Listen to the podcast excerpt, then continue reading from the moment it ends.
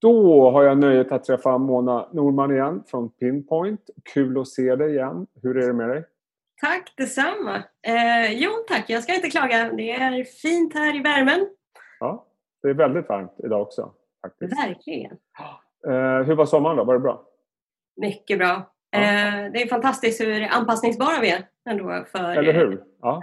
omställningen hösten blir. Du, jag tänkte att vi ska, vi pratade du och jag i somras inför eh, Q2-rapporterna lite grann, hur, hur, ni tänker och hur ni jobbar. Och nu har vi ju nästan facit får man väl ändå säga. På Q2. Ja, det får man ju lov att säga, att det börjar närma sig sitt slut. Vi har några eftersläntrare, vi ska prata om dem idag, de som har rapporterat idag. Vi ska prata om några som har rapporterat i veckan. Men jag tänkte vi börjar lite grann sådär med eh, Q2 generellt. Det har ju varit ett väldigt, väldigt speciellt kvartal med corona å ena sidan och sen har det varit massa permitteringsstöd vilket gjort att det har varit svåranalyserat och det har vi också sett i rapporterna att eh, ganska svaga rapporter men bättre än väntat och marknaden har eh, gett dem ett eh, nästan stående ovationer rakt igenom. Eh, hur skulle ni sammanfatta ur ert perspektiv och era modeller hur Q2 följer Ja, verkligen eh, tudelat.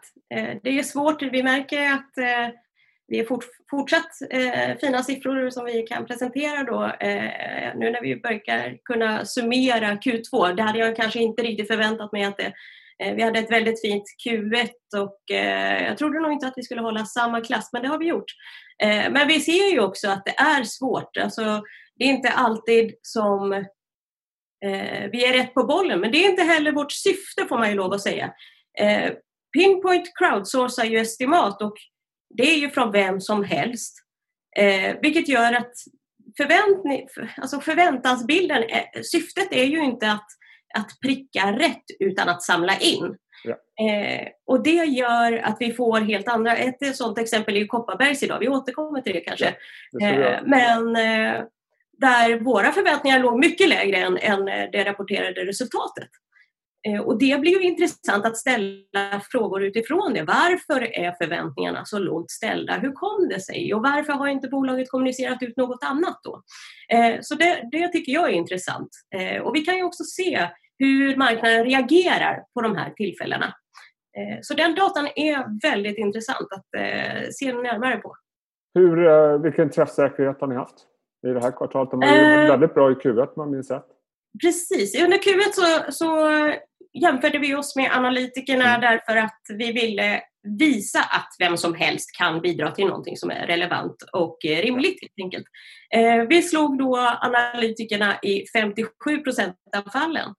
Eh, och för Q2 nu så är siffrorna snarlika, det är 54 procent av fallen. Så vi är väldigt, väldigt glada och tacksamma för att alla bidrar till nyttan. Ja, det låter ju väldigt bra tycker jag. Jag som gammal analytiker jag ska inte säga att jag förstår att ni slår analytikerna, men, men jag har en viss erfarenhet av det där. Hörru du, eh, innan vi går in på några av rapporterna, vad, vad, vad, säger du annars om den här, eh, får, får man säga märkliga marknad?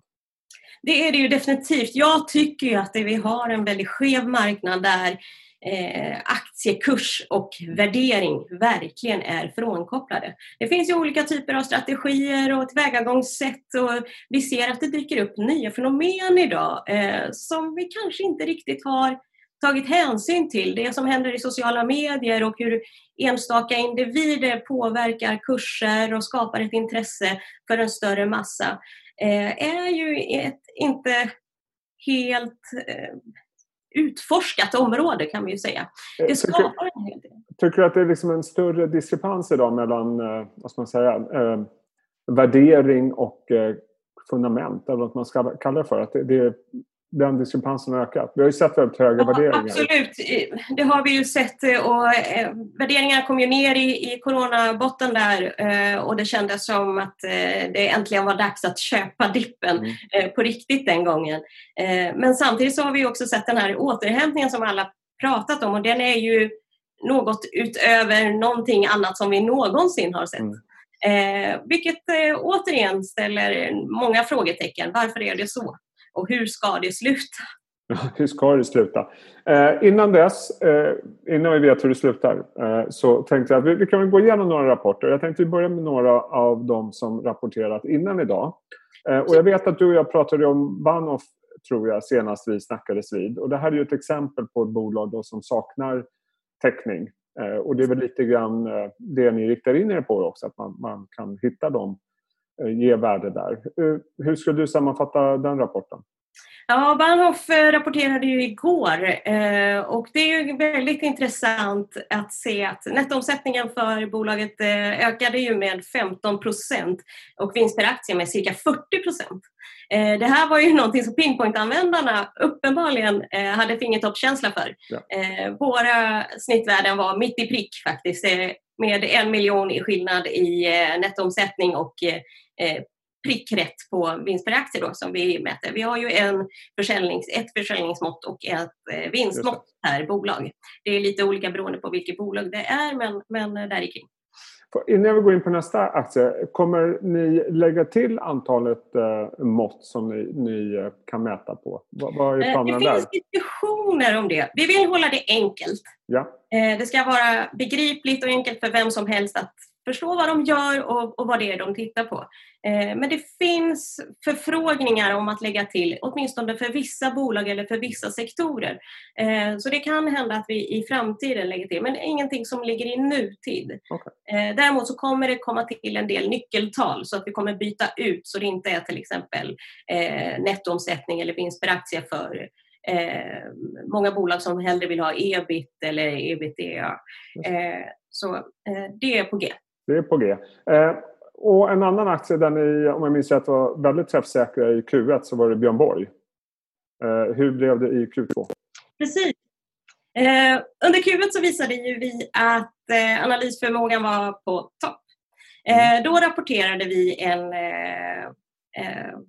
ja, mitt i prick återigen då i pinpoint-snittet jämfört med bolagets rapporterade nettoomsättning. det var en minskning med 8,6 procent. Eh, men vi, vi satte den helt enkelt. Och nu då så rapporterade bolaget återigen eh, igår faktiskt. Ja. Eh, och där kom eh, nettoomsättningen in på 148 miljoner kronor om jag inte minns fel. Eh, och pinpoint-snittet på 141 miljoner kronor. Vinst per aktie eh, kom in på 0,75 eh, kronor, minus 0,75 kronor. Eh, och eh, Pinpoint låg på 0,1. Eh, så där var en lite större diskrepans men ändå att vi hade det på känn att det och det är oftast det det handlar om. Eh, det är ju inte på kronorna och örena eller för den delen miljonerna som det oftast hänger på utan uppåt eller neråt, mycket eller lite. Det kommer man ganska långt med. Och det är sällan som vi sitter och köper eh, eller handlar aktier på grund av att eh, det är någon decimal hit eller dit, utan det, det är ju oftast eh, om man har om bolaget följer den prognos man har. Och eh, sen hade vi också Hexatronic eh, som de kom med preliminära siffror om jag minns rätt inför Q2. Hur, hur eh, lirade det med era estimatbidrag? Ja, som du säger så lämnar ju bolaget preliminära siffror ganska tidigt och eh, där kunde vi ju se att estimaten snabbt justerades. Det är ju ett intressant fenomen att se eh, hur våra användare tar till sig information och förändrar. Det händer ju också att de inte gör det. Det är också eh, intressant att se att det många gånger faller i grönska, både i aktiekurs, att man eh, får en direktreaktion men att det sedan tycks glömmas bort. Eh, och aktiekursen oftast kryper tillbaka lite mot det håll det har varit. Eh, och det är ju också ett fenomen som vi anser att bolagen behöver ta hänsyn till och kanske förstärka, förtydliga. Vi kan hjälpa till att repetera. Eh, det, alla bevakande media kan eh, påminna om detta. För retail har en ganska kortsiktig eh, bild av marknadskommunikation. Och sen eh, går vi över på dagens rapporter. Eh, och eh, vi börjar med Kopparberg som det ser ut att vara otroligt starka siffror. Lite överraskande nästan med, med tanke på ja. corona. Aktien, när, när, vi spelar in det här så är aktien upp eh, kraftigt. Jag tror den var upp 15 procent någonstans tidigare. Ja, faktiskt mer än 15 procent alldeles okay. nyss när jag kollade innan vi började prata. Det var ju så att vi, vårt pinpoint-snitt låg väldigt låg, lågt jämfört med utfallet här. Okay. Och det är ju också viktigt att säga som sagt att vi inte är ute efter att vara närmast utfallet. Det är en positiv effekt som vi oftast får. Eh, uppenbarligen så lyckas vi ganska väl med det då eftersom vi eh, är mer rätt på bollen än analytikerna i 54 procent av fallen.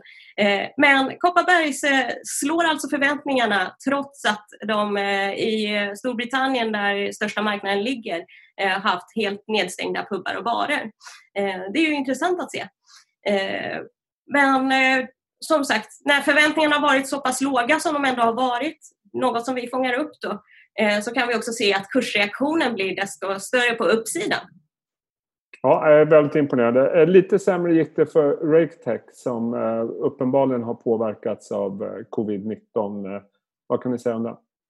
Ja, så är det. Omsättningen ökar ju där men vinsten faller med nästan samma, i samma utsträckning.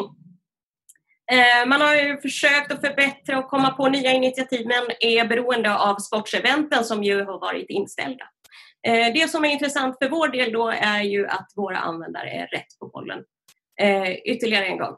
Vi hade estimat som låg på 6,88, alltså 6,9 miljoner euro och den kommer in på 7. Eh, ja, det är väldigt nära. Det får du säga. Det är väldigt nära och vinst per aktie på 0,039 och de kommer in på 0,30. Så att, ja, intressant. Vi har två kvar och lite kort om Medcap, hälsobolag. Eh, såg stabilt ut tycker jag. Verkligen. Eh, det får man väl säga har varit ett ganska stabilt bolag över tid också. Eh, de ökar omsättningen med 12 procent mm. eh, men påverkas ju av den norska marknaden som har bromsat in i pandemins fotspår. Eh, det, det de som har gjort eh, är ju en ny emission om eh, lite drygt 200 miljoner kronor. Ja. Eh, och nu får man ju dessutom en ny VD efter Carl Tobiasson. Eh, så det blir ju intressant att se hur, hur fortsättningen kommer ske där. Men eh, för vår del så fick vi in ett pinpoint-snitt på 203 miljoner i nettoomsättning och utfallet hamnar på 209. Eh, och vinst per aktie så har vi eh, 0,63 eh, och utfallet är alltså på 1,3 kronor per aktie. Eh, här fanns det ju dessutom ett analytikersnitt eh, där vi låg väldigt nära i nettoomsättning. De hade 205 och vi 203. Mm. I vinst per aktie så hade analytikerna 41 kronor per vinst per aktie och vi 0,63 då, så där låg vi nära.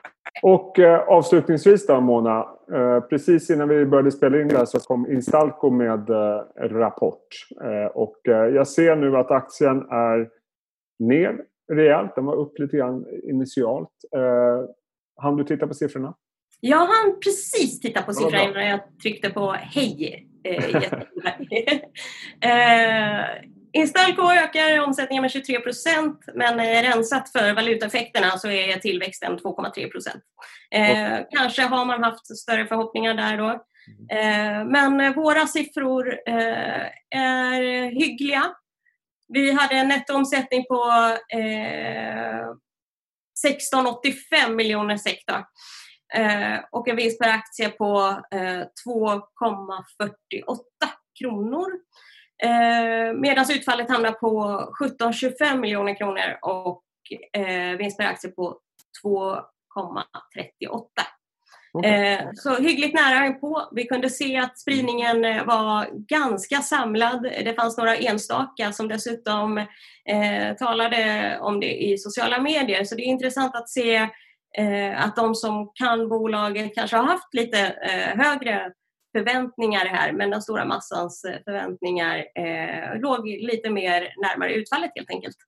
Mm, ja, intressant. Eh, aktien är ner ungefär 5 just nu eh, när vi spelar in det här vid drygt 11.